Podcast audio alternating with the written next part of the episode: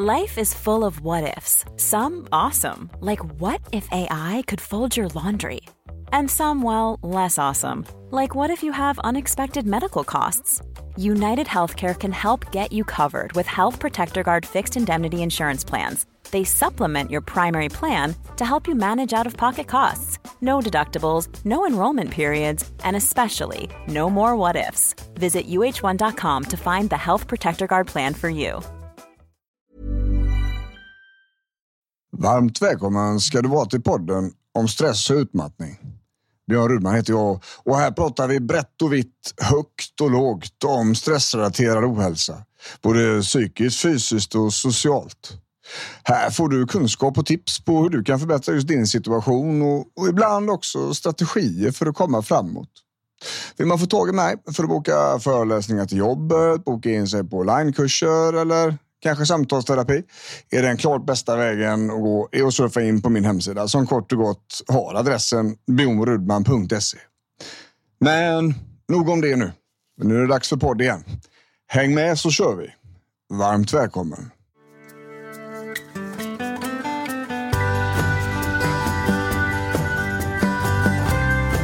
Hallå vänner. Då är det dags för lite podd igen. Och eh, ni som är nytillkomna lyssnare, jag tycker att det är skitkul att det är så många som, eh, som lyssnar och som hittar podden. Det, det växer för varje vecka som går. Vi är uppe en bit över 40 000 eh, nedladdningar i månaden här nu och det är ju jättemånga. Och det är ju kul på sitt sätt. Men det är också ett kvitto på att eh, informationen behövs och, och att eh, en sån här självhjälpspodd har en plats är också ett kvitto på att, att eh, det är ganska tuffa tider. Och det är så. Det är, det är många som mår dåligt och vi får hjälpas åt i, i många avseenden och, och det är därför jag kör den här podden. För att kunna sprida så mycket kunskap och erfarenhet som jag kan med detta och hjälpa så många som möjligt.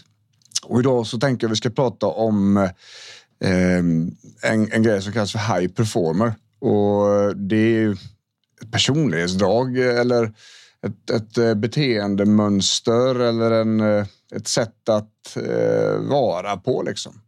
Och det är ganska generaliserat uttryck. Det är lite hopklumpat sådär och, och, och, när det gäller psykologi så är det lite farligt att klumpa ihop grejer. Och därför tänker jag vi ska reda ut lite vad, vad som finns bakom det begreppet och, och varför det är bra på vissa sätt och, och lite svajigt i andra sätt om man säger. Och eh, en grej som, som jag tänker vi ska börja med det är ju det här liksom när det är en prestationsångest och, och när det finns ett, ett eh, väldigt starkt eh, driv mot att eh, åstadkomma saker och ting och att det ska vara bra det man åstadkommer, att det ska gå fort det man åstadkommer och att det ska liksom sådär va. Det gör ju att det är väldigt svårt med balans i vardagen. För att ju mer man presterar och ju mer man ska åstadkomma och ju större värde det har, desto mindre värde får alla de här mjuka delarna i livet. Det här lugna och fina och vackra och mjuka. Och, och jag fick en fråga på, eh, på Instagram häromdagen vad, vad jag lägger in i begreppet mjuka värden.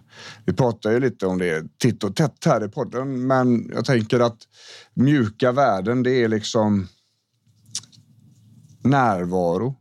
Det är alltså från andra personer och i egen person. Det är kärlek, det är empati, det är tröst, det är lust, det är um, allt det här vackra, mjuka, avkoppling, njutning. Um, glädje. Alla de här sakerna som, är, som inte riktigt går att mäta men som vi människor ändå verkligen, verkligen behöver. Problemet blir då när prestation blir värt för mycket och slår ut eh, de här mjuka värdena.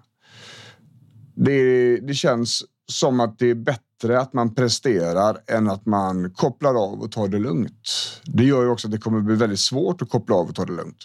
För att eh, det går inte, för man ligger hela tiden och funderar på vad skulle jag kunna göra istället? Och det här skapar ju en ganska stor obalans i oss människor. Och kanske är det så att det har fungerat under livet, under åren. Så kan det absolut vara. Det har ju naturligtvis en väldigt stor effekt på karriär, på ekonomi, på boende, på sådana här saker liksom, som vi människor också behöver och där vi strävar efter att få det bättre hela tiden. Då är det effektivt. Det är ju skitbra om vi kan prestera på det sättet, men den dagen där det verkligen behövs mjuka värden, där det verkligen behövs avkoppling, där det behövs förståelse, där det behövs tröst, där det behövs kärlek, där det behövs glädje för att väga upp den här vågskålen som är så hårt nedtyngd av grejer som pressar i vardagen. Finns det då ingenting i den andra sidan på vågskålen så, så kommer det bli väldigt jobbigt för oss människor. Eh, det är absolut inget konstigt om det utvecklar sig till depression till exempel. När vi bara har saker i livet som pressar på ena sidan men vi har ingenting som lyfter upp och balanserar i andra sidan. Och som sagt, det, det, kan mycket väl ha varit eh, fungerande en gång i tiden. Sen så kommer du kanske till vägskäl då där, där det inte funkar längre. Man kan inte prestera längre och det räcker inte med det man presterar för det känns inte tillräckligt bra. Det enda vägen man har då att prestera mer, att peta i sexans växel och bara kämpa lite hårdare i en situation där man egentligen hade behövt växla ner och, och, och titta på annat i livet än, än, än, jobb och karriär eller pengar eller saker eller sådär. Då, då har vi inte så mycket val längre. Och då är det väldigt vanligt att eh, man bränner ut systemen. Att man går in i väggen, att eh, man får utmattning, ett utmattningssyndrom eller andra stressrelaterade besvär. Och när vi då ska in i en rehabilitering för detta, då måste vi ha de mjuka värdena. Då var det ingen fråga längre och det var liksom ingen möjlighet att jobba runt de här grejerna längre, utan då måste vi ha det. Då får vi också en, en, en svårighet då om, om patienten har tillbringat större delen av sitt vuxna liv med att prestera och där man, dens egna värde, eh, behovet man har av vila eller behov, allmänt mänskliga behov bara inte har fått komma fram utan det har förskjutits längre och längre åt, åt sidan. Medan mer och mer har kommit att handla om prestationen. Då, då är det en del i, i rehabiliteringen. Det är viktigt att få tillbaka människan, få tillbaka människan bakom allt det här. Eh, och då är det inte prestation som gäller utan då börjar vi fiska efter vad är det som är viktigt på riktigt här på insidan. Då. För inte fan är det pengar. Och det kommer inte vara boendet, det kommer inte vara en bil, det kommer inte vara kläderna utan det är helt andra saker som, som kommer upp där. Men det är inte helt enkelt och det är många som inte har tittat på de här sakerna utan man har presterat sedan tidiga tonår och eh, fått cred på det och accept på det och, och eh, folk har blivit imponerade och man har fått beröm och eh, det har känts lite gött i magen när man har fått ett bra jobb eller får en hög lön eller eh, bara gör någonting för andra människor så att säga. Men det kommer att sätta oss i skiten förr eller senare. Va? Så är det. Och eh, eh det jag tänker då är att man måste kolla på lite olika saker. När, när jag börjar bryta de här sakerna med mina patienter så börjar jag egentligen alltid först med att kolla vart kommer värderingarna ifrån? För att prestationsdelen här nu, eh, high performer mentaliteten och det man kallar för perfektionism då inom psykologin. Eh, det är inget genetiskt utan det har man lärt sig någonstans och jag är det är helt nödvändigt att vi tar reda på vart någonstans du har lärt dig detta. För att vi måste på sikt kunna hjälpa huvudet att förstå att bara för att någon annan har gjort så här eller bara för att när du var ung så, så var det det här sättet som man kunde komma igenom eh, och få bekräftelse eller eh, eh kärlek och ömhet. Det var först när man hade presterat någonting som det blev som det skulle vara.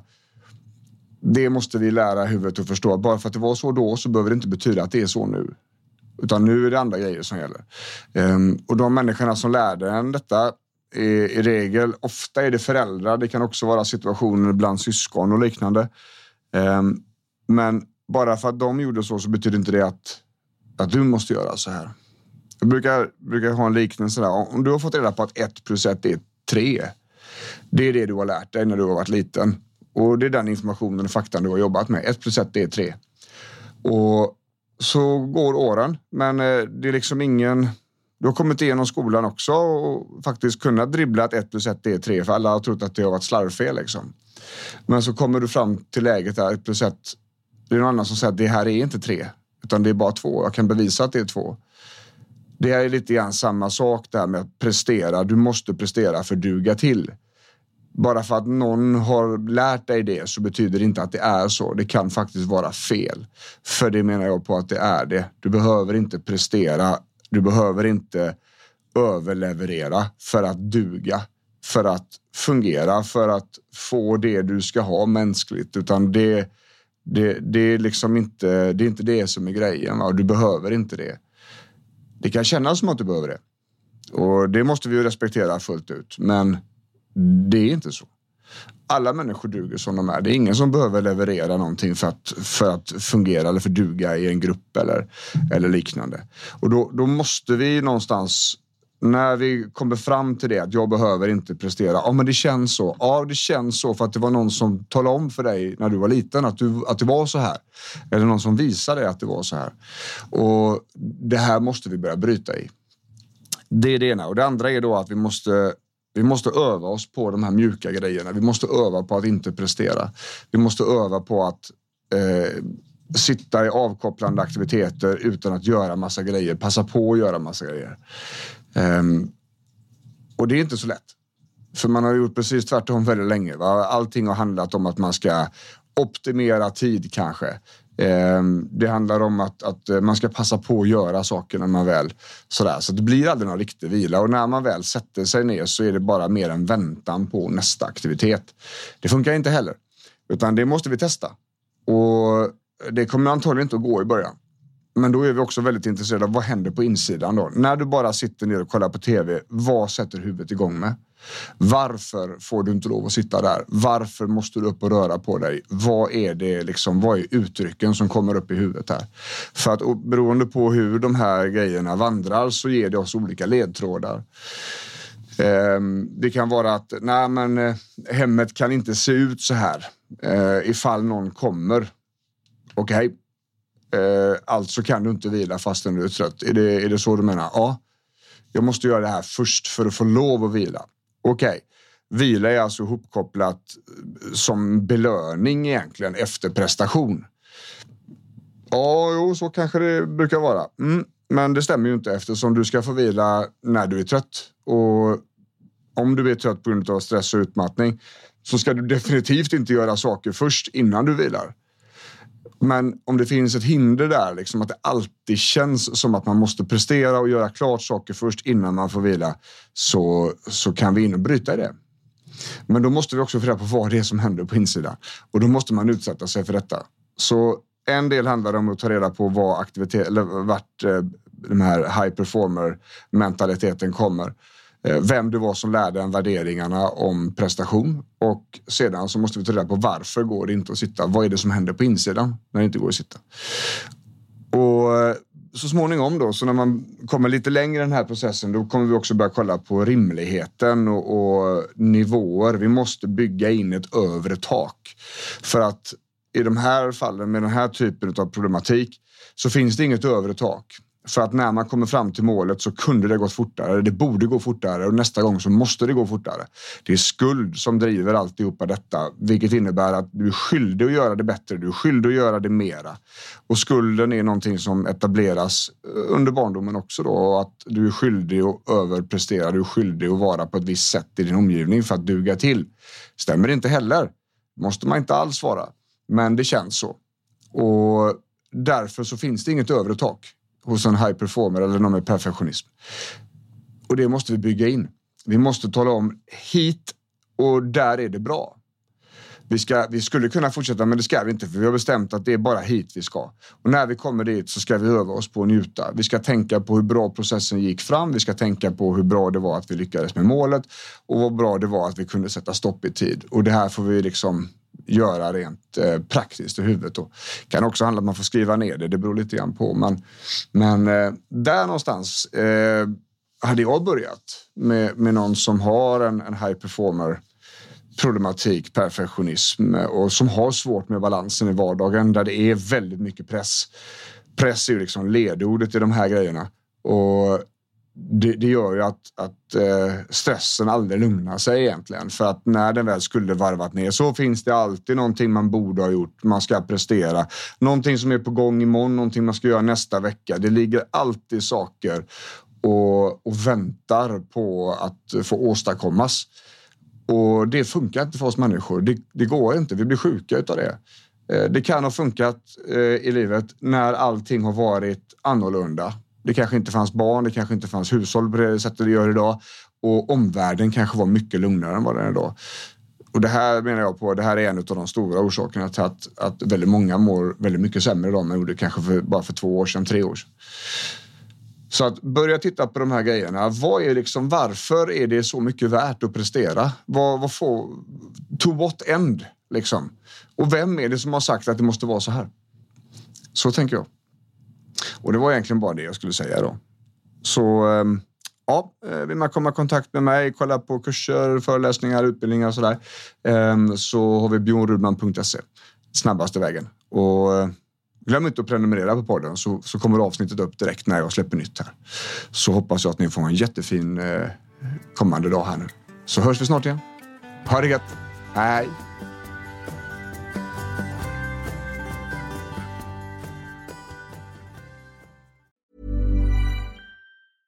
Ever catch yourself eating the same flavorless dinner three days in a row?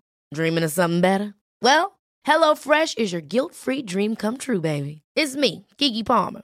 Let's wake up those taste buds with hot, juicy pecan crusted chicken or garlic butter shrimp scampi.